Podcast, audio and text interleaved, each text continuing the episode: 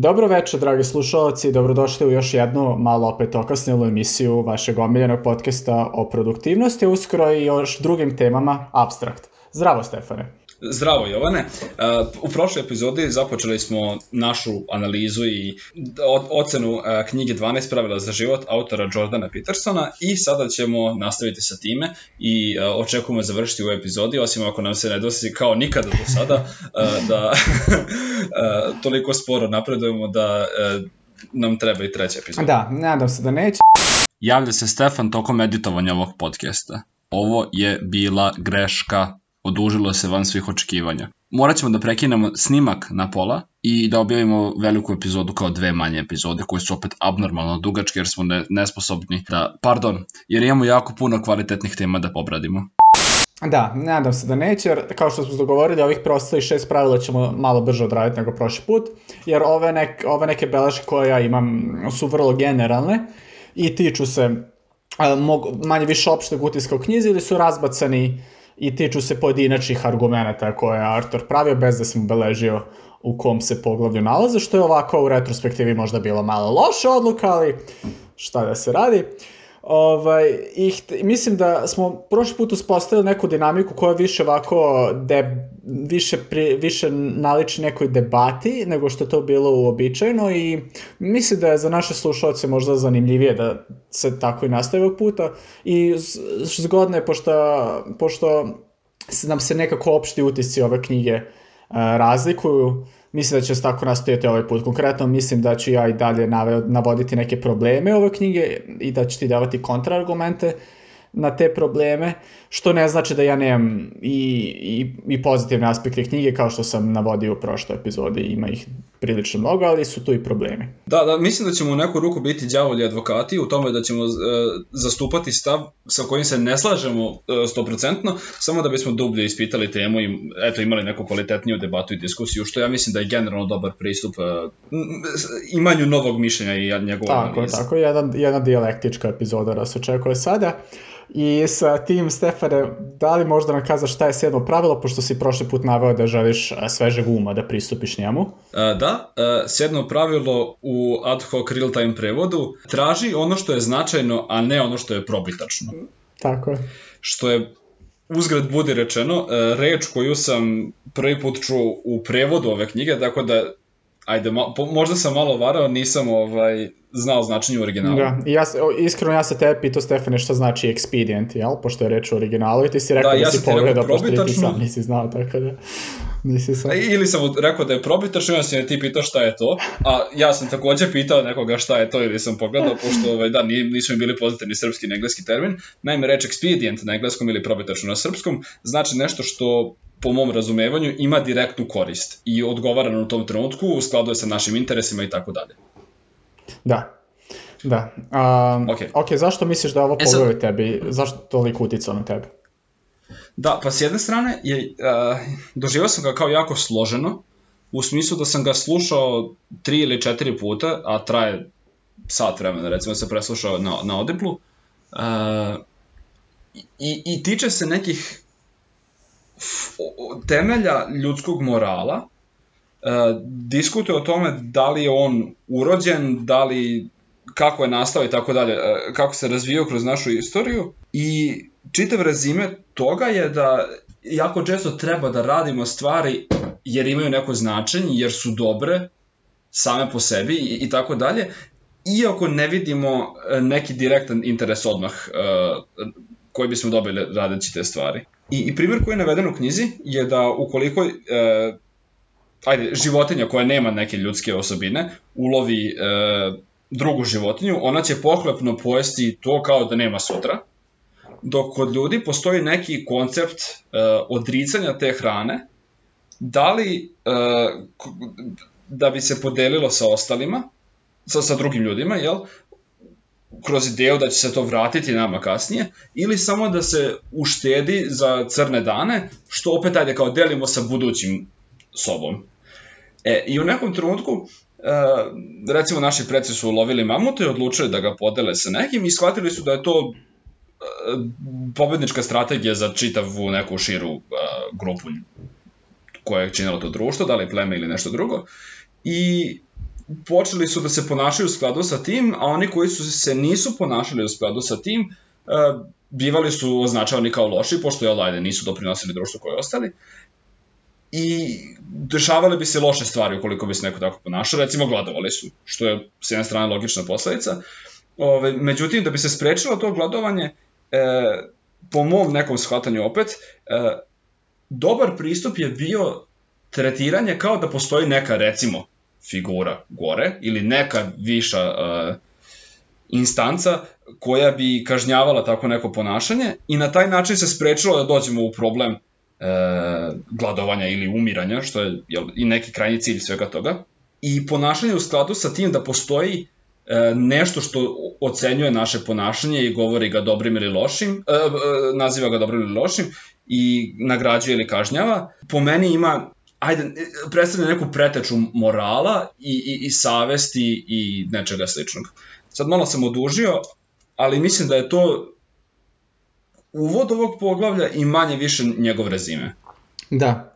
A, i vrlo je to lepo, ja bih samo dodao kraj ovog poglavlja koji je jel, vrlo, vrlo ovako snažni, to onaj deo kada se jel, Jordan Peterson rasplače dok ga čita, jel?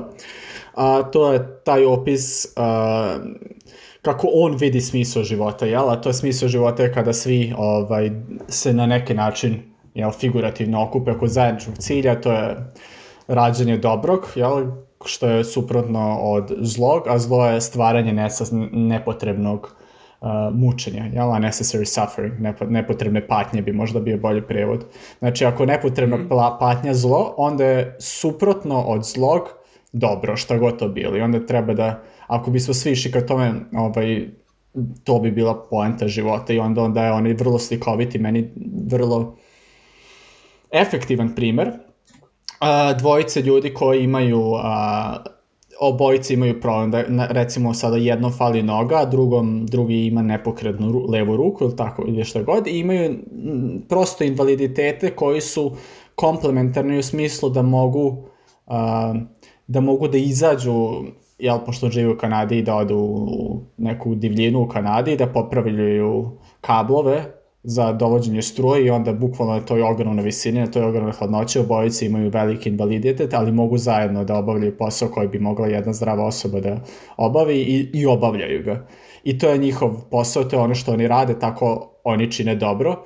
I eto, ono, radi svetlo, imamo struje da pričamo na ovom podcastu, imamo internet, ali malo ko o tome misli. I onda on voli da, jel to, da stavi kontrast u to, ono, svi misle da mogu da promene svet kako god hoće i misle da je njihova suština da, ne znam, protestuju i da se stikaju ili što god, ali zapravo ne, po, pogledaj koliko ima svakodnevnih čuda, tako reći. Eto, zar nije čudo prosto da imamo struju i društvo koje funkcioniše, koliko imamo, jel, na neki način neprijateljsku planetu, s druge strane smrtonosnu planetu, ali eto, svakodnevni i tako ljudi omogućavaju da imamo taj život i da te neke čudesne stvari prihvatamo kao normalnost, tako da mislim da je u tom smislu ovo poglavlje zaista uh, delotvorno. Uh, ja mislim da, mislim, slažem se s tim što si rekao i mislim da je to što sada deluje kao čudo, uh, ajde referencirat ću malo o tome Habits,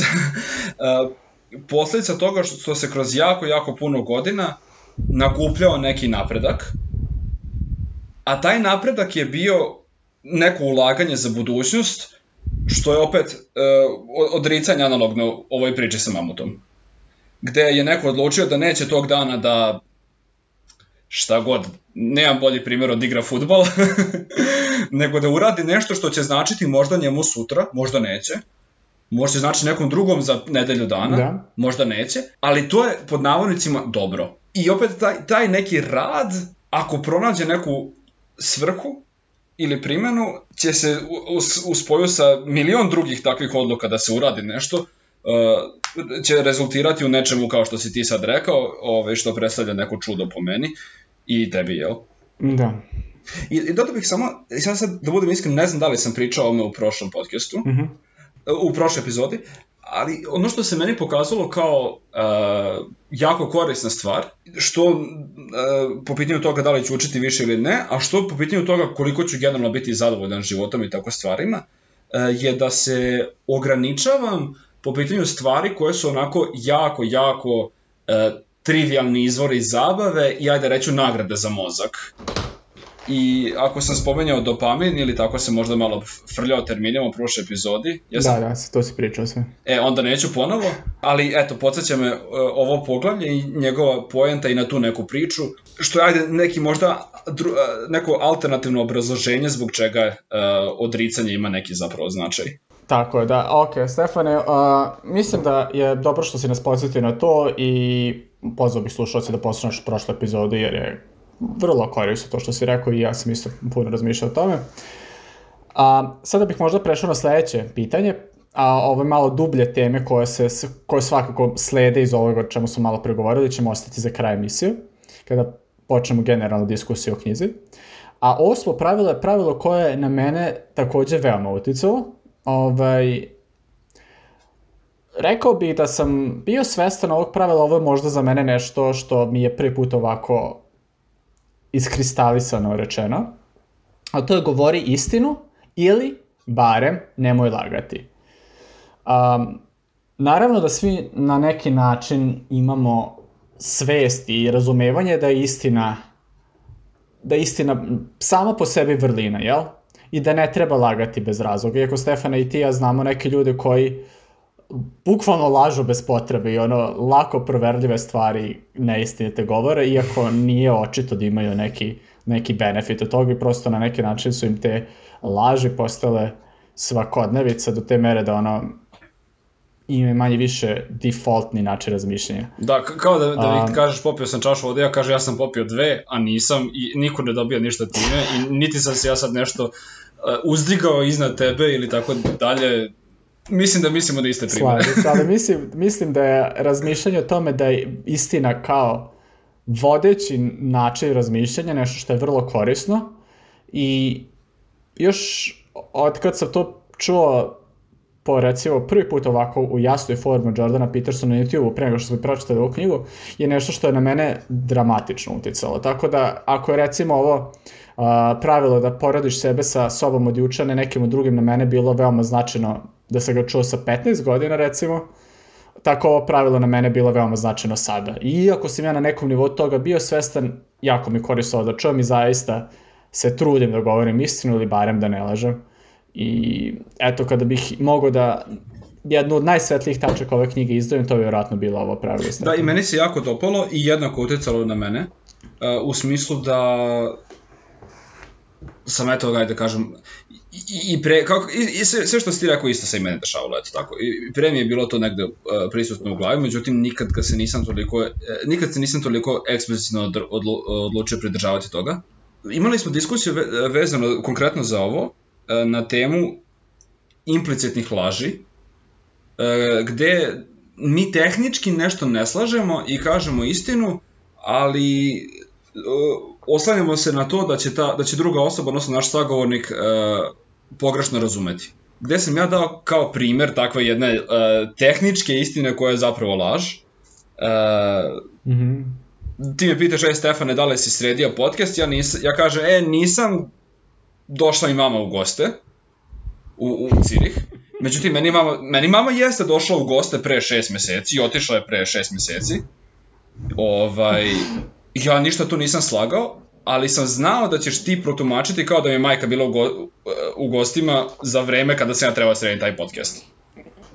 E, da. I, I to je neki, da kažem, to je potpuno uh, anal, jednaka laž kao da sam rekao, e, nisam, ono, uh, gorela mi kuća, iako mi nije gorela kuća. e, Da, ne znam da li je baš potpuno jednaka, ali se slažem da je to u suštini laž, mada nije ni toliko jasno baš u svakoj situaciji reći, jer ono, nije ni dobro, ne znam, sad vidiš na osobu neko, neko, neko na ulici i ona priđeš pa kažeš, e, ružan si i prosto kad se te vidimo sam osob, potrebno da ti kaže da si ružan. Ili kad te neko pita, ovaj, ja vidi, ne znam, celog života sam pravio ovu jednu stvar, mislim da mi je na neki način osmislila život i se kaže, ja, brate, to je potpuna glupost. Ovaj, mislim da prećutao si na neki način, ali nije, nije to kao, nije kao da se slagao, razumeš? Nije sada naravno kad bi rekao ja pa to je savršeno, vola bi da se ja setio da se ja posvetio život, život tome, to bi otvoreno bila laž, a ovako ako prečutiš svoje neslaganje, nije toliko jasno i zato mi se i dopada i formulacija ovog pravila. Govori istinu, ili barem nemoj lagati. Dakle, u tako tim nekim situacijama gdje nisi siguran da li bi istina donala jednostavno previše boli, barem nemoj lagati. Tako da, mislim da nije baš toliko jasno šta je laž, šta nije, šta je implicitna laž, šta nije implicitna Da, mislim da, da, da postoje dve bitne stvari koje sam čuo ili o kojima sam razmišljao nakon uh, što sam čitao pravila. Uh, jedna od njih kaže da postoje neke da, vrednosti više od istine, kao što je, na primjer, ljudski život, i ako ćeš slagati da bi spasao ljudski život, da to treba da uradiš, zato što si odabrao manje zlo. Ovaj, I do, donekle povezano sa tim, ajde da kažem, jedna pomalo zanimljiva interpretacija toga šta je neistina, a šta je laž, gde je neistina samo rečenica ili iskaz koji nije tačan, a laž je uskraćivanje e, nekoga za neko znanje ili za istinu, ajde, e, na koju ta osoba ima pravo. Gde e, u situaciji da recimo lažemo da bismo nekome ili sebi spasili život, e, ima smisla tumačiti da se ta druga osoba čini, čineći zločin ugrožavanja našeg ili nečeg života odrekla prava da zna tu istinu. I da je to pravo donekle ajde, e, zasnovano na odgovornosti koju imamo, a to je da jel, ne ugrožavamo, između ostalog ne ugrozimo nekome život u ovom, u ovom primjeru. Tako da, ovaj, da je e, to donekle alternativno e, razmišljanje za to e, kada je ok slagati i po koju cenu, odnosno e, e, da, kada je ok slagati. Da, mislim, to, je, to malo više ulazi ovako moralnost jel, laži, pre nego, ne bih rekao da to baš može biti definicija. Da, da, to, to je pomalo moralni, e, ne toliko praktični ajde da kažem, tretman. da. Sad, Stefane, možda, možda bi bilo zanimljivo da se malo osvrnemo nazad na samo, sam sadržaj ovog poglavlja, zato što postoje mnogo ljudi koji iz najbolje namere, jel, prosto ne znači da su loši ljudi što tako misle naprotiv, uh, misle da su bele laži nešto dobro, jel, i mislim da si ti u svom životu susreo se sa takvim osobama, ovaj, smatri prosto šta je to, ja sada ne znam, kažem neku stvar i nekome sam učinio dan i osjeća se bolje, a mene ništa ne košta da jel, slažem tako malo, ko će se on osjećati bolje. Ili recimo ako dete vidi reklamu, neko kaže, ma kupit ćemo ti mi to, sutra, preko sutra, da mi se kao dete će zaboraviti. Mislim da su bele laži takođe laži samim tim su loše, jel? Sad zašto, zašto su loše? Nije, nije toliko trivialno objasniti da jeste, ne bi ni tako kažem, ne dobri ljudi u suštini i ne glupi ljudi, pametni ljudi verovali da su bele laže ok, ali suština je u tome da prosto kada se trudiš da govoriš istinu i da ne lažeš, uspostavljaš jedan, sad poetično će zvučati, iskren odnos sa svetom, sa ljudima oko sebe i sobom samim. Jer kada kreneš da lažeš, bar i tako kad su neke male stvari u pitanju, vremenom gubiš sliku toga šta je zaista istina. Um, I to možda ovako na prvi pogled ne deluje kao nešto što je obavezno tačno, jer kao naravno da znam šta je istina bez obzira što govorim, ali nije baš tako. I ako se setimo, većina ljudi razmišlja prvenstveno na taj um, vokalni način, svi u suštini čujemo kao neki glas koji predstavlja naše misli, to ne svi, ali većina ljudi. I prosto, ne znam, ne znam, teško mi da ostavim u reči, možda bi zaista trebalo da ljudi poslušaju knjigu, ali otkad se trudim da zaista u svakoj situaciji govorim istinu koliko god mogu, zaista osjećam neku bistrinu u svom pogledu na svet. Uh, Tako da, da eto, Stefan, možda može malo bolje i praktičnije ovo da objasniš da, ljudima. Evo, mislim da si se sam dotakao tog e, dela uh, prema sebi, uh, iskren odnos prema sebi, a mislim da se ist, iskren odnos prema drugima uh, uspostavlja tako što, e, tako što e, kroz taj iskren odnos dođeš u situaciju da ne preispituješ svaku nečiju e, rečenicu, što je po meni, ajde praktično posmatrano, vrlo uh, značajan, emotivan i, i psihološki teret i mm -hmm. da je mnogo lakše, uh, ne, ne u smislu jednostavnije, nego da, da, da nas ne opterećuje toliko, da prosto možemo da verujemo nekome bez da eto prolazimo kroz razne skrivene tajne koje taj neko hteo da kaže, ovaj da li nas sad laže ili ne. Ovaj i i da eto možemo da se oslonimo na nešto što je po meni fundamentalna osnova prosto e, koncepta komunikacije. Komunikacija je prenos neke informacija, a sad ako bismo mi onesposobili taj prenos informacija tako što prenosimo polo informacije, vratit ćemo se, barem u tom pogledu, jedno 100.000 godina unazad, kada nije ni postojao način komunikacije između ljudi ili kao što ne postoji neka jako razvijena komunikacija između dve ptice na grani, ove, gde samo neke trivialne stvari možemo da razmenimo, jer eto, e, sami smo krivi za to, nesposobivši razgovor kao koncept, da kažem. Slažem se. Evo, ako se vratimo na, konkretno na moja dva primjera od kojih sam se ja malo udaljio, recimo, ako lažeš dete, jel da ćeš mu kupiti igrač, jednog dana će ono odrasti malo više i shvatit će da mu nijedno od tih igračaka zapravo nisi kupio nikada i ono, tvoje dete će misliti, hej, moj roditelj me laže. Da li zaista želiš da ono, tvoje dete jedna od prvih onako racionalnih zaključaka i tačnih zaključaka bude da ga lažeš i da kad mu nešto kažeš da ne može da ti veruje. Ili s druge strane, ako jel, se pričamo o bilo kojoj drugoj osobi, recimo da je bijele laže kao, uh, kako si lepa danas, vremenom ti više neće verovati, ja? jer ono sama zna da možda tog dana nije baš nešto lepa. Tako da vremenom naše reče gube na važnost i onda sve to drugo Stefane o čemu ste pričao prosto dolazi do izražaja. Da, Stalno prispitivanje da li istin, da li laž. I, ako se dobro sećam, rekao si iskren odnos prema uh, sebi, drugima i svetu ali ispravi me ako, sam, ako sam, se loše sećam. Uh, ja tako mislim je, da, da kroz bele laži koje bi trebalo da nam ublaže neki teret uh, suočavanja sa svetom, mi guramo probleme kroz tepih ili se pravimo da ne postoje i na taj način postajemo ajde da kažem, e, slabije, slabiji ljudi nesposobni za, e, za suočavanje sa nekim određenim problemima, tako što se pravimo da ne postoje. E, tako, da li je sad to, e, ma ne brini, bit će sve u redu, nemoj da se brineš, i ti sad ne brineš, ono radi šta bi radio i nastane problem oko kog si se brinuo, a da si se brinuo, bilo bi ti teško, ali, ne, ali bi sprečio taj problem. Tako je, da. Evo, sad pada, na pamet mi pada ova situacija sa koronavirusom u Srbiji, gde je bukvalno, ti nisi bio tu, tad sam ja bio u Srbiji, a, preko noći, dakle, u pe, petak je još bilo celodnevni policijski čas, već naredne srede su sve mere ukinuti i nikakve više ono predostrožnosti nije bilo, niko se nije ni najmanje pazio, manje više su te gledali kao idiota ako izađeš sa maskom napolje. A, I to je prosto posledica neke preterane širenja panike na početku, znači laganja populacije na neki način, da li je bilo opravdano ili ne.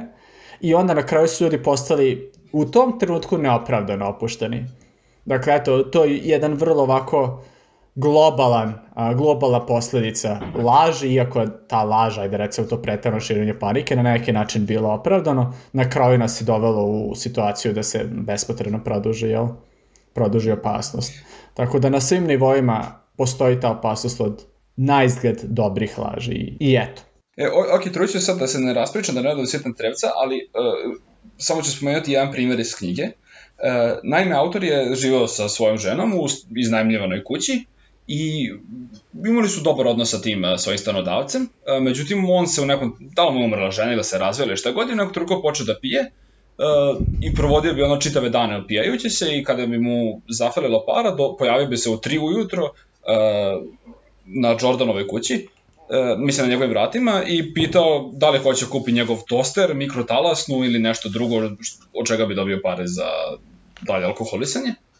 I sad Jordan je ispravo mislio ajde pomoći će čoveku, uh, ili ga je samo bio strah od ono, da, dva, dva metra visokog i ne znam koliko teškog pijanog čoveka u dva ujutro. Uh, međutim, u nekom trenutku nakon razgovora sa ženom odlučio da mu kaže iskreno da šta misli o tome i da ne želi da zapravo kupuje te gluposti i da mu ne trebaju i da je to što je radi štetno.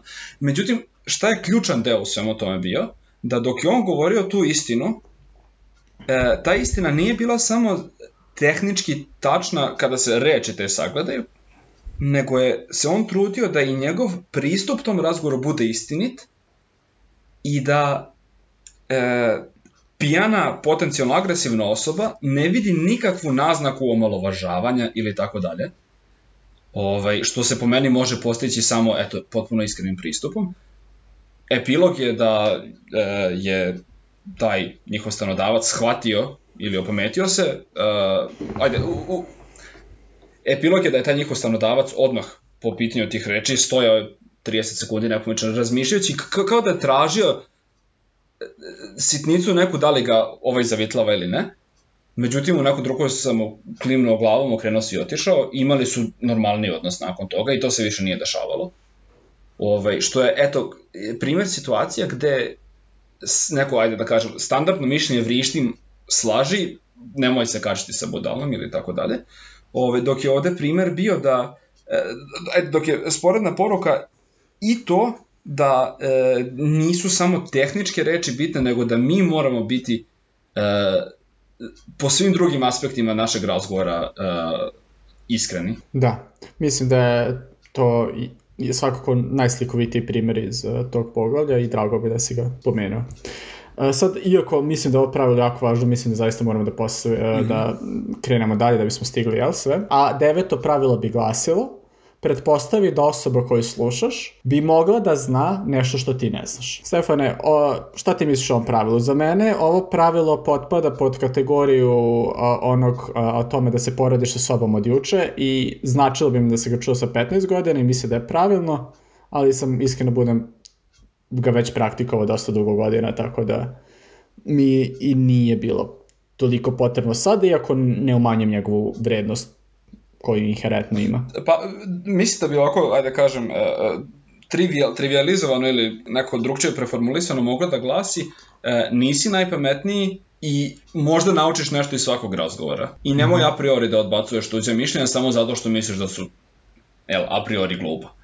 Uh, mislim da, da jako puno ljudi sujetno um, uključujući mene u nekoj prošlosti, nadam se da sam to iskorenio, tako da to pomalo optimistično kažem u nekoj prošlosti, ove, gde bih uh, u startu mislio da znam sve što se može znati o nekoj temi ili barem više od neke osobe i odbacivo neko njihovo mišljenje.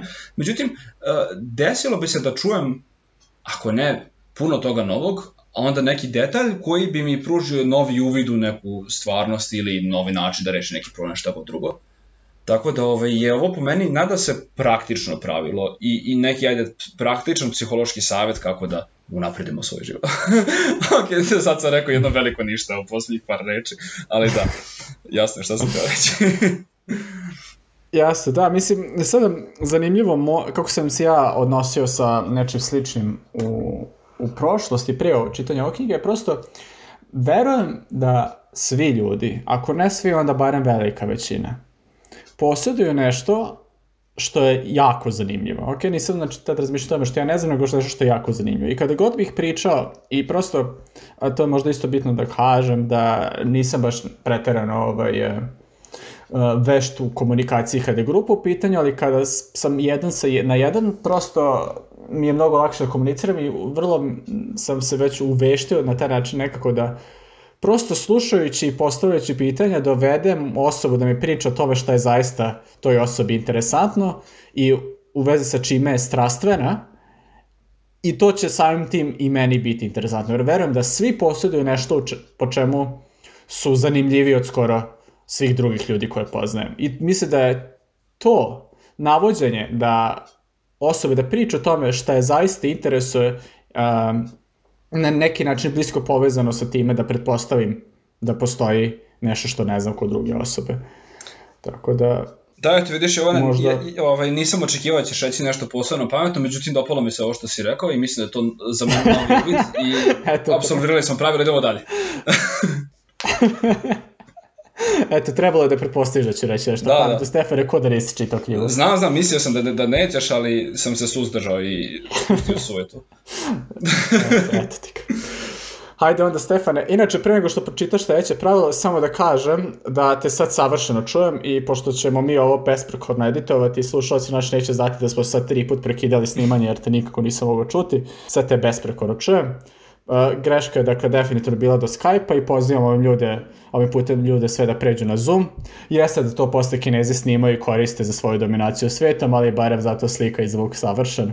Tako da Stefane, razvali se sledeće pravilo. da, sledeće pravilo kaže budi precizan u svom govoru. Eto ti. Eto ti ga sad. E, ovo pravilo meni donekle ide pod ruku sa pravilom o, govorenje, o govorenju istine. E, međutim, drugčiji je mm -hmm. kontekst i kroz ovo pravilo, ok, meni se činilo da, da je, kada sam slušao knjigu, autor rekao, on govorio puno, a da nije nešto jako puno rekao. I ovo mi je jedno... Nije baš precizno govorio. Evo, iskreno, Stefane, samo da ti, pošto je moj, moj, moj review ovog pravila će trajati vrlo kratko, ja se ne sećam o čemu se ovom pravilu radilo, tako da mislim da je Da, isto, isto. Sećam se da je, vrlo da, da je postojala neka, e, neka, neko razlaganje e, koncepta rečenice koje je poredio sa, ja mislim, e, da gde je svaku reč ili pojam poredio sa ulogom svakog dela automobila ili tako nešto. Ali samo dodao bih pomalo povezano s ovim. jedna, jedna osoba koju znam, moj profesor, e, bivši profesor sa univerziteta u Beču, čije mišljenje zapravo jako cenim, mi je dao, ajde, jedan savet potpuno analogan ovome, e, koji protiče iz nekih starih kineskih priča koje uključuju Konfučija i gde je Konfučijev rešenje za pet problema poput e, poplava, gladi, ratova i tako dalje koje su snašle to neko kraljevstvo, bilo da napišu rečnik. I sad, to mom profesoru je, kao i meni, uh, to na prvu loptu delovalo prilično glupavo, jer kako ćeš rešiti glad time, i, i dalje, onako da budem potpuno iskren, osim van konteksta ovoga što sam pričao o komunikaciji u pravilu sa istinom, ne mogu da vidim nešto jako duboko u tome, ali možda je samo eto kao neka, neki drugi aspekt istog tog što smo pričali. I, i čim sam eto video u nekoj drugoj sferi, znači od druge osobe čije mišljenje cenim uh, i iz potpuno drugog porekla da je ta priča, pretpostavljam da ima nešto u tome, tako da volio bih da, da, da se osvrnemo na ovo za recimo godinu dana, da vidimo ovaj, da, li, da, da li smo stekli drugi uvod u ovo drugo. Ali slažem se sa, što se tiče tvog, rezim, uh, tvog uh, rezimiranja ovog pravila, ne sjećam se skoro ničega i mislim da je da ide pod ruku sa pravilom u istini. Da, ali mislim da autor mogu biti malo precizniji ovdje. No dobro, Stefane, sada uh, Imamo 11. pravilo koje je po meni naj, jedno od najproblematičnijih ovde, možda, naj, možda i najgore. U meni se baš bilo dobro. Uh, gde sam, da, ja sam bio do ovog trenutka manje više onako hm, na ivici da li mi je ovo knjiga za preporuku ili nije, ovo me je gurnula više ka tome da nije za preporuku. Uh, I zato bih predložio da nju ostavimo za kraj, pre naše generalne diskusije, sada da krenemo na 12. pravilo koje je relativno jednostavno, jel? A koje kaže, pomazi macu kada je sretneš na ulici. Da, i, koja, pod naslovu i znači, svi su okej. da, da, kao što se autor dosta dugo hvali i iz nekog razloga neobičajno dugo priča o ps, porodiča psu, gde je ta priča išla u pravcima nekim, ali baš i nije. Ali u suštini kao kao neka antiteža na neki način ovom pravilu da treba da radiš ono što je uh, značajno, uh, a ne što je probitačno. U suštini, kada imaš neko malo životno zadovoljstvo, uživaj u njemu, jel? Da, kako vidiš mačku na ulici, dozvoli sebi da budeš srećan zbog neke male stvari koje se dogodilo. Da, spominjam u tom pravilu kako je njegova čerka, uh, mislim da i dan danas ima neki vrlo redak poremećaj sa kostima, uh, ne se mm -hmm. tačno, i, i da je, uh, ajde, to je jedan od načina kako uh, se suočiti sa nekim problemima u životu i ne otići potpuno u krajnost uh, zanemarivanja sadašnjosti zarad budućnosti. I sad, sad mi pala na pamet, na priču o, o, o idu i egu, ovaj, mislim da je Freudova to priča, zar ne? Ovaj, ali da, zaista ne treba zapostaviti ni sadašnjost svoju, ovaj, prosto jer, ne, ajde, pričali smo puno puta, nemaju ljudska bića neograničena snagu volje da, da žive ispravan ili e, neki ciljan život ovaj, sve vreme bez da se ikad posvete sebi, bar ja tako mislim. Tako da kao što se rekao, uživaj u malim nekim zadovoljstvima i nemoj baš uvek da razmišljaš o budućnosti koja je nedelju dana ili pet godina unapred, nekad se fokusiraj na narednih nekoliko minuta ili nešto. Slažem se da je tu ima vrlo, vrlo jedan koristan i praktičan savet, a to je da, to je i savet i generalno pogled na život, a to je da koliko si u dobroj situaciji trenutno, možeš da proceniš na osnovu toga koliko daleko budućnost možeš da planiraš. A, ako si u dobroj situaciji, ako su ti ono manje više sve pod koncem, možda planiraš gde ćeš a, za godinu dana ići na doktorat ili šta god, ili gde ćeš živeti za pet godina, a, šta, kakav posao želiš da imaš u kom trenutku. Znači, bukvalno planiraš godinama unapred. Ako nisi baš tako dobro, onda planiraš recimo mesec, dva, kao gledaš kako ćeš rasporediti budžet, ovo ono. Ako se desilo nešto baš jako loše, onda bukvalno je okej, okay, treba sebi da dozvoliš da gledaš kako ćeš izgurati ovaj dan. Ako se desi neka tragedija, treba da spustiš svoje planiranje na ovaj dan, pa čak i na ovaj sat, kaže on čak i na ovaj sekund ako treba. Ako je toliko teška situacija, samo gledaj kako ćeš da držiš ovaj sekund i onda sledeći sekund u redu je. Ove, ovaj, to je, buk, mislim, to je baš snažna ovako izjava i vrlo, vrlo istinite. E, ja istog trena mi je palo, sada mi je palo na pamet e, jedno pomalo provokativno pitanje na temu ovog pravila da li na taj način uh, u neku ruku lažemo sebe ili se pravimo da naši problemi ne postoje i guramo ih pod tepih? Mm, pa možda da mi pojasniš malo zašto misliš da je to tako? Da li, uh, ako stanem da pomazim mačku na ulici i ne razmišljam o, o nekim drugim problemima, ajde, odnosno, ajde, ako se više fokusiram na sadašnji sekund ili minutu, odnosno neku dalju budućnost, da li ja potiskujem te probleme i guram ih po tepih? A, mislim da je namerno zašto je ovo pravilo ostavljeno za kraj, razumem. Zato što nećeš ti mačku viđati stalno, ili ako tipa imaš mačku, ako ćeš je stalno mazati, onda radiš ono što je expedient, probitačno, jel? Da. Da. Mislim da ovo više kao da naučiš da ponekad te si, da uživaš u životu, da nije kao generalno ukusu za život, nego hej, možda i da odeš na kafu ponekad. Mislim da ne treba odavde da izlačiš kao neko generalno pravilo i mislim da ako ćeš ponekad se nasmejati na neku šalu, da to ne znači da svoje probleme guraš po tepih, jer to nije neki tepih, to je bukvalno delić jednog koraka, razumeš, nije toliko površinski. Da, slažem se. Malo mi je propala metafora, ali... E, slažem se, mislim da, da je to neki pogon koji ti daje da, da rešiš svoje probleme i da kao što ako imaš da učiš za neki ispit, kao što ti pomaže da spavaš, uh, pošto ajde, omog, olakša, omogućavaš sebi neko naredno učenje, da je ovo neko, nešto analogno tome.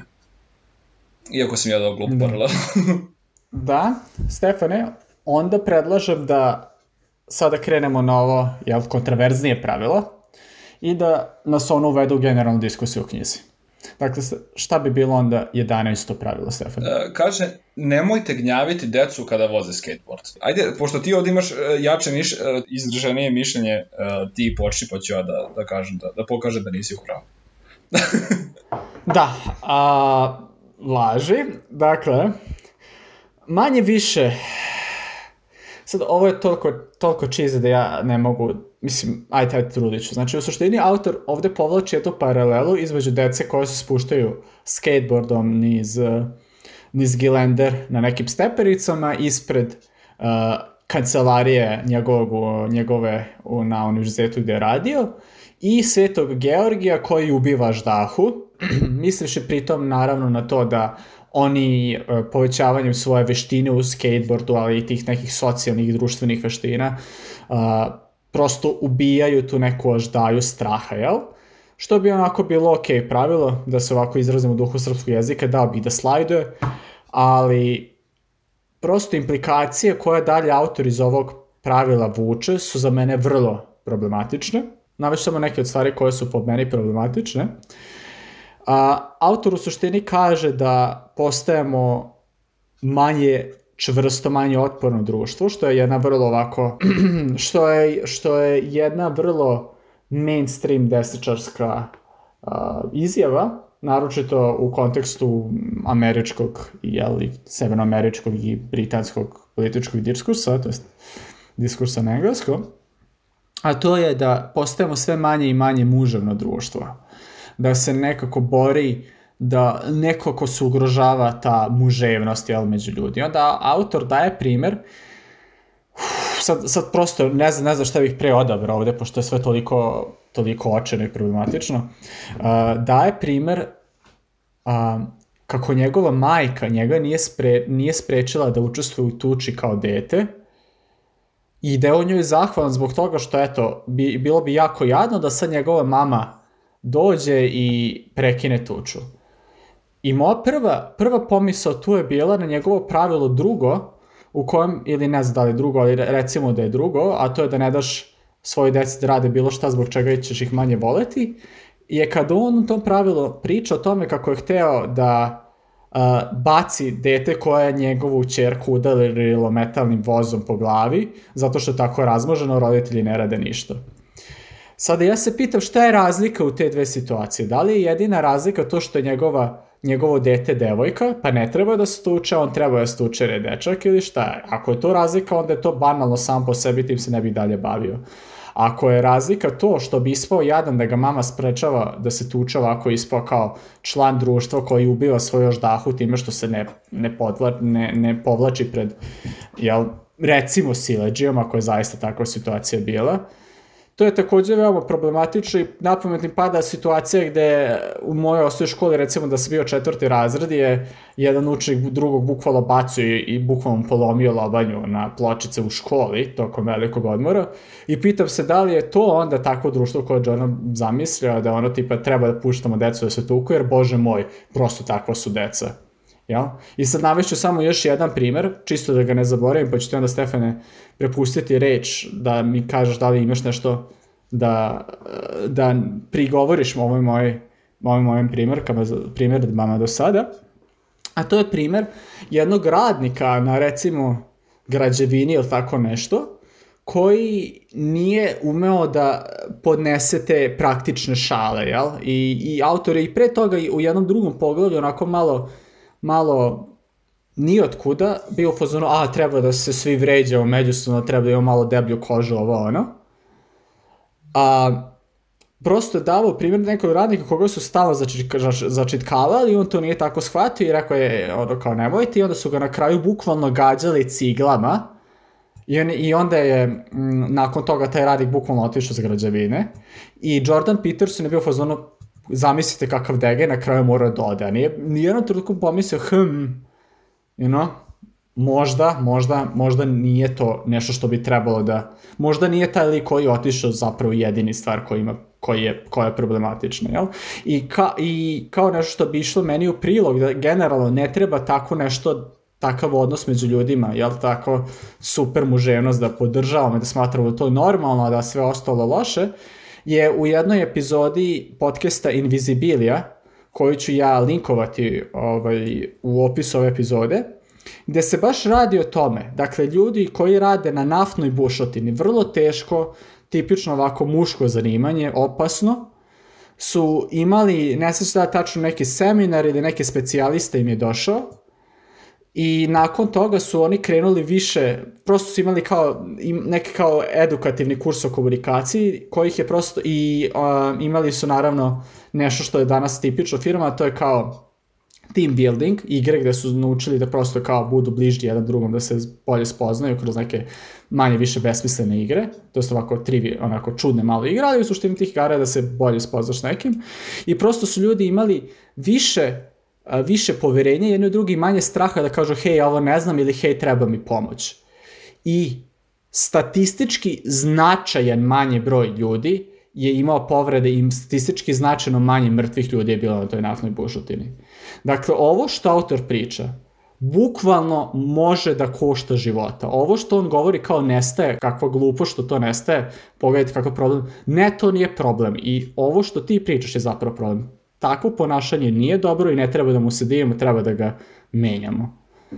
Ok, Stefane, ovo je možda, možda sam sad malo ovaj, odužio, ali nadam se da da se razumeo što sam hteo reći i da imaš nešto da kažeš na sve ovo. Uh, ispratio sam što si pričao i pokušao sam da pronađem ono za majku i tuču, ali ja s toga ne smijem nikad sam slušao i sad ne mogu da pronađem isto. Ajde, pročitaj, pročitaj, pročitaj, Stefane, pošto sad pronašao pred sobom imaš taj deo, pročitaj konkretno čemu se radi. Može na srpskom da ne izgovaram u tomu. Jednog dana kad sam bio klinac igrao sam... Naj, još je bolje na srpskom tamim tim ovaj, da ne čitamo zaista deo knjige, bolje da, na srpskom. Da. Jednog dana kada sam bio klinac e, čitao, igrao sam softball šta god, sa nekim drugarima, e, timovi su bili mešavina momaka, devoj, dečaka i devojčice i svi su bili dovoljno stari da su e, e, dečaci i devojčice bili jedni drugima interesantni na neki nepoznat način i status je počeo da bude sve više bitan i značajan i važan. moj drugi Jake i ja smo uh, zamalo krenuli da se tučemo, uh, gurajući se tu negde oko tog nekog dela za softball, nije bitno, kad je moja mama došla, bila je onako malo udaljena, oko 30 yardi, što god to bilo once again, uh, ali mogu sam da vid, uh, vidio sam da, da je odmah znala šta se dešava i druga deca su takođe videla i prošla tačno pored i video sam da je to povredilo, uh, njen, deo nje je bio zabrnut, da ću doći kući sa krvavim nosom i modricom na oku i bilo je jako lako uh, da bilo ko viče na nju, ej, aha, pardon, bilo je jako lako da ona počne da viče, ej, deco, prestanite, ili da čak dođe i, i uh, interfir, umeša se, ali nije to uradila i nekoliko godina kasnije, kada sam imao teenage problema sa tatom, moja mama je rekla da je bilo previše dobro kod kuće, nikada bi otišao. Moja mama je nežna osoba, empatetična i, i sa, spremna, voljna za saradnju i agreeable i nekad dopuste da drugi ljudi gore okolo. Kada je se vratila na posao nakon što je bila kod kuće sa njenom malom decom, uh, bilo je izazovno da se usprotivi muškarcima. Uh, nekada je to činilo da bude ozlojeđena, slash ogorčena, šta smo već rekli da je resentful. Uh, nešto što ona takođe osjeća uh, ponekad u odnosu sa mojim ocem, uh, koji je uh, često se namerače da radi ono što on hoće, kada hoće i uprko svemu tome nije uh, kao Edipovska majka, uh, zbrinula, uh, brinula, zbrinula se za neza, nezavisnost svoje dece, uh, iako je to toliko često bilo uh, teško za nju i uradila ispravnu stvar, iako je učinilo emotivni uh, distres. Tako je, znači hvala što se ovo pročito, sad se prosto vidi da ja tu ništa nisam prevao, rečao da je zaista tako bilo kao što sam rekao i mislim, odvratno. Ok, ja ću sada da ispričam isto to što si ti ispričao, uh, ali ću biti, po, pošto doživao sam malo kao biased, ali i van tog konteksta, eto kao što smo najavili da bih bio uh, djavolj advokat, nezavisno da li se slaže sa tim ili ne, ovaj, uh, ja ću biti biased malo na drugu stranu, ali potrudit ću se da ispričam isto to. Uh,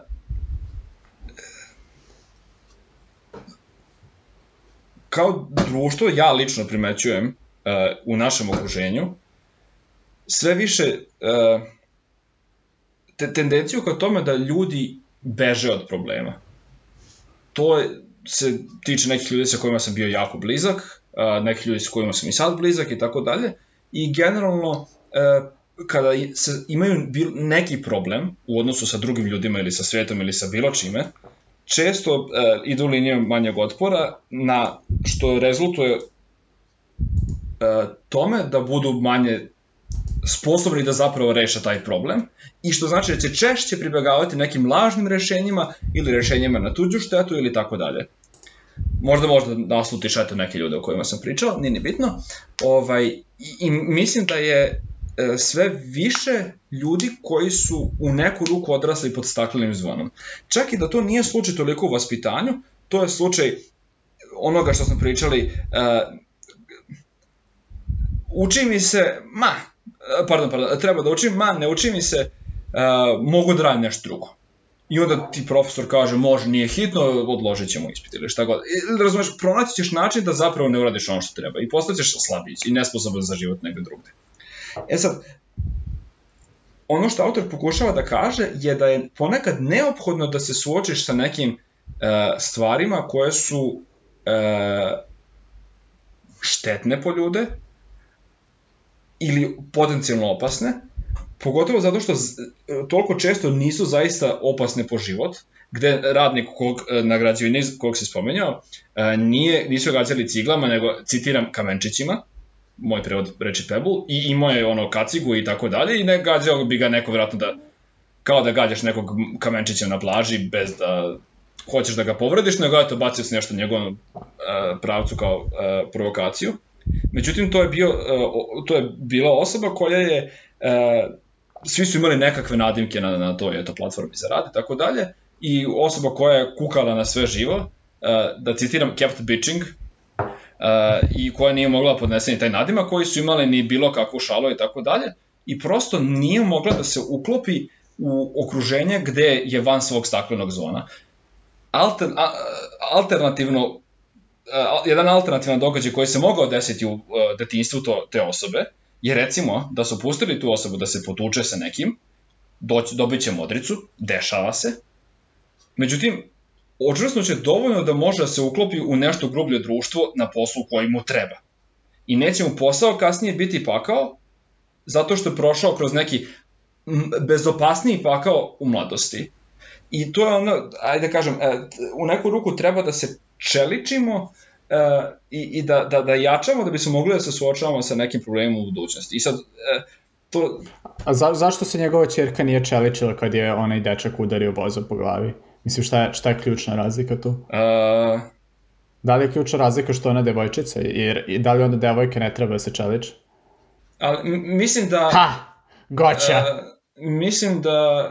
Uh, da je stvar u tome što ne može da se čeličiš samo trpnjom, nego se čeličiš aktivno rešavajući neki problem. Ako imaš dve godine i dođe dete koji ima pet godina i hoće da te udari metalnom igračkom u glavu, to je prilično needukativno iskustvo za tebe. Ali ako si dečak koji ima 12 godina i tučeš se sa drugim dečakom na futbolskom terenu koji takođe ima 12 godina, to je edukativno ili ajde, očušćavajuće iskustvo za tebe.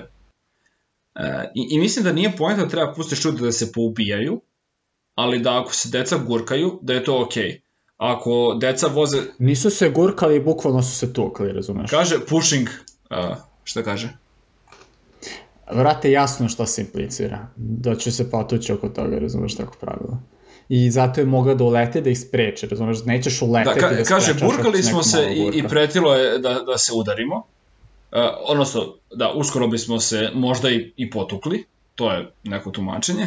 Ovaj, što je po meni analogija s tim da voziš skateboard, a ako bacaš drugo dete niz stepenice, to je analogija tome da pijan voziš suprotnom trakom radi adrenalina. I to je glupo i to treba sprečiti.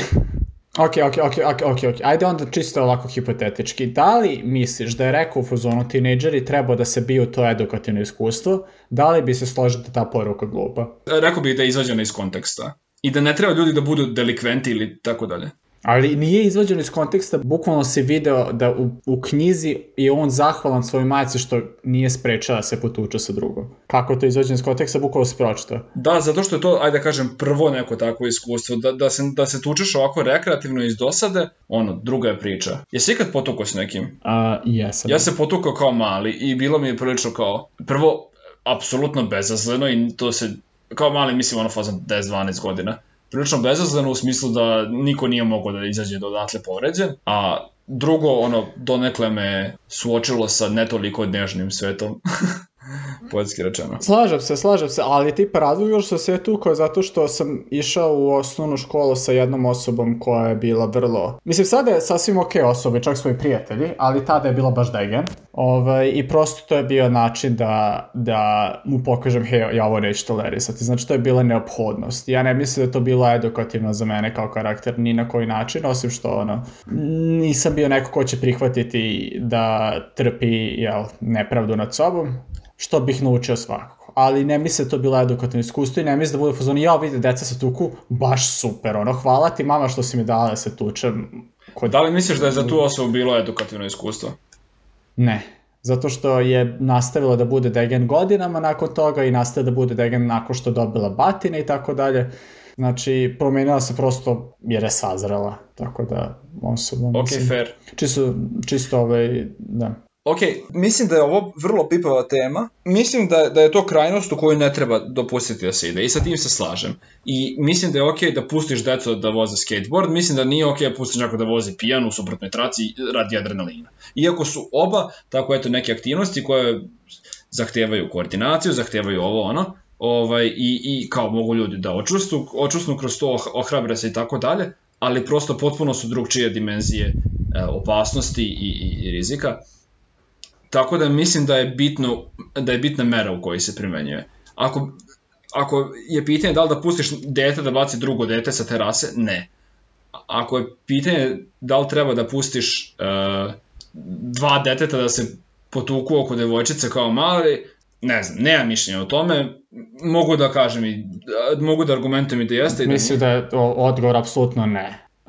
Mislim da je odgovor apsolutno ne. Mislim da ne treba da učimo decu da je fizičko ono, nasilje prihvatljiv način rešavanja problema. To po meni neodbranji stav i kažem jedna od broja crvenih zastava, po, zašto ja smatram da ova knjiga definitivno ne treba da bude pročitana. Mislim, mo, treba da se pročita u smislu ako se formirana ličnost, ali ne bih je preporučio ljudima koji su zaista primarna grupa za ovu knjigu.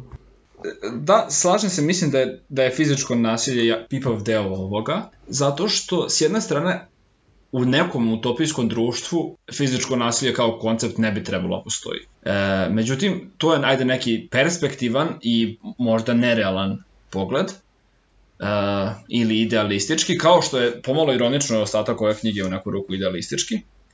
Uh, međutim, praktičan neki savet u realnom svetu gde te ljudi hoće prebiti ako im se malo zamrši ili tako dalje, mogao bih da nađem argument zašto je to ok u maloj dozi, ali slažem se da je, da je, da je prilično nezgodno. Međutim, za sve ostale stvari, znači koje nisu fizičko nasilje, koje su uh, šale recimo, ja znam jako puno ljudi sa kojima mi je izrazito nezabavno da se družim ili da, da, da sam na njihovom okruženju jer prosto ne umeju da prihvate šala na njihov račun. E, I i eto, ja, ja se ja, često trudim da se šalim i na svoj račun i da ne uvredim nikoga uh, kroz neke šale, ali obožavam kad se družim s ljudima koje mogu i da kažem nešto uvredljivo, iako će se nasmejati na to jer je dobra fora. Ove, mislim, da, mislim da je to uh, jedan dobar kvalitet koji treba imati i da se to postiže tako što se ljudi u neku ruku mentalno čeliče, da se ne uz jogu neko im kažeš eto, u, šali ne, nešto ružno. Slažem se, za, za sve to što si rekao već sa šalom se slažem u potporu, samo to da kažem. Znači, to, to, to, to da, stojim u potporu. Ali mislim da autor to pro, prosto širi na jedan dalji nivo, možda nisi čuo jer je bio prekid, dakle rekao sam, volao bih da mi sada kažeš šta misliš o tim radnicima na građevini i o njihovoj situaciji, pošto Dakle, imam podcast u kojem se navodi studija koja kaže da ako radnici prođu program, nakon kojeg se manje plaše da iskažu svoje slabosti, da kažu kad nešto ne znaju, da to bukvalno spasava živote kroz manji broj nezgoda. Dakle, sve što ja hoću da kažem je da taj način razmišljanja prosto, gde kao svi smo mi mega muškarci i ono, ne treba da tu se ništa menja, je loš zato što ljudi bukvalno umiru zbog toga. I autor ovde glorifikuje taj stari način odnosa među ljudima, iako je to vrlo opasno. I zato me interesuje. Šta ti misliš o tome? E, mislim, kao što sam malo pre rekao, mislim da u nekoj e, perspektivi ili u utopijskom društvu takav problem ne bi trebalo da postoji. Međutim, u praksi ćeš previše često biti u situacijama da će neko ismevati tvoju slabost i da treba da se suočiš sa tim i na taj način spasiš svoj život. I slažem se da je takvo obučavanje dobro i apsolutno nema ništa da kažem e, protiv toga, ali mislim da je autor hteo da kaže uh, da ćeš neminovno naići na nekakvo nasilje i da ga možda ne opravdava, ne znam da li ga opravdava, verovatno ga ne opravdava, koliko ja razumem, ali e, da treba da, na, da nađeš način da te to ne povredi i da ako ti neko kaže da si glup ili nesposoban ili p tri tačke, ove, što ne umeš da nešto uradiš ili što si pokazao neku određenu slabost, da to ne treba da ti bude e, razlog da ne pokažeš tu slabost i potencijalno ugroziš svoj život kao što si rekao u toj studiji. Do čega je implicirano da ćeš možda doći tako što si kao mali radio neke hrabre stvari, kao što je vozio skateboard ili se potukao sa nekim. A da li si ti dok si slušao knjigu imao utisak da na neki način autor glorifikuje prosto taj način razmišljanja i obhođenja među ljudima. I ja sam, kažem, taj deo mi je bio vrlo degutantan, gde je on osudio ovog čoveka koga su gađali neke kamenčićima, nije bitno, pa je on otišao, njega lično, bez da pritom kaže zašto je problematično uopšte ono da imamo takav sistem vrijednosti gde ono moraš da ispadeš muškačina ili bukvalno moraš da odeš. A, mislim da je došlo do toga zato što se on, sad sam pročitao pred neko, kad sam tražio ovaj deo sa, sa majkom i detetom, da je on kukao za sve živo i da je pravio problem gde ga nema non stop i išao ljudima na živce, zato što, implicirano, se nije nikad pre recimo potukao i onda mu je smetalo sve od nadimka i tako dalje i ono, bio je gnjavatar sa kim se ne možeš ni šaliti i tako dalje i onda su ljudi videli, ha, ovaj je retard, ajde da ga, ono, da se zezamo s njim na njegov račun. I onda on to nije mogao podnesi i onda je otišao. Mislim da je to kontekst. Dobro, ja, ja samo kažem da ovaj, treba i reći, hej, hajde da barem pokušamo da, da budemo malo drugačiji mi sami, čak i ako smo sad dobro prihvaćeni tako dalje, ne samo da budem fazonom. Ako me neko ne prihvata, obavezno sam samo ja kriv, a društvo je super. Pošto to često... Da, nije ok, slučaj. definitivno. E, ali ili mislim da, da je poenta da ti budeš dovoljno čvrst da možeš da kažeš, e, neko me ne prihvata i nema veze. A, razumeš, ili u fazonu, neko, se, neko je stoka prema meni, on ne. Razumeš, da, da, da ignorišeš to. Dobro, ja ne bih tako lično shvatio poruku, ali ajde. Da, ok, s- sad sam, e, ka, kao što sam najavio, malo e, možda previše zastupao drugi stav od tvog. Mislim da treba da težimo ka tome da suzbijemo nasilje umesto da e, težimo, umesto da olakšavamo trp, trpljenje istog. I mislim da je da nije dovoljno čim si ti tako shvatio sigurno onda e, da nije dovoljno pažljivo naznačeno da ne treba da ne treba e, podsticati nasilje i ako je nam, namera autora bila da olakša suočavanje sa neminovnim nasiljem, da je moglo drugčije da se napiše. I, dragi slušalci, ovde se završava druga epizoda u kojoj pričamo o knjizi 12 pravila za život. E, Narednu možete očekivati za dve nedelje. I budući da ovo snimam sam, tokom editovanja, bez Jovana, on mi se neće pridružiti kad vam kažem pozdrav!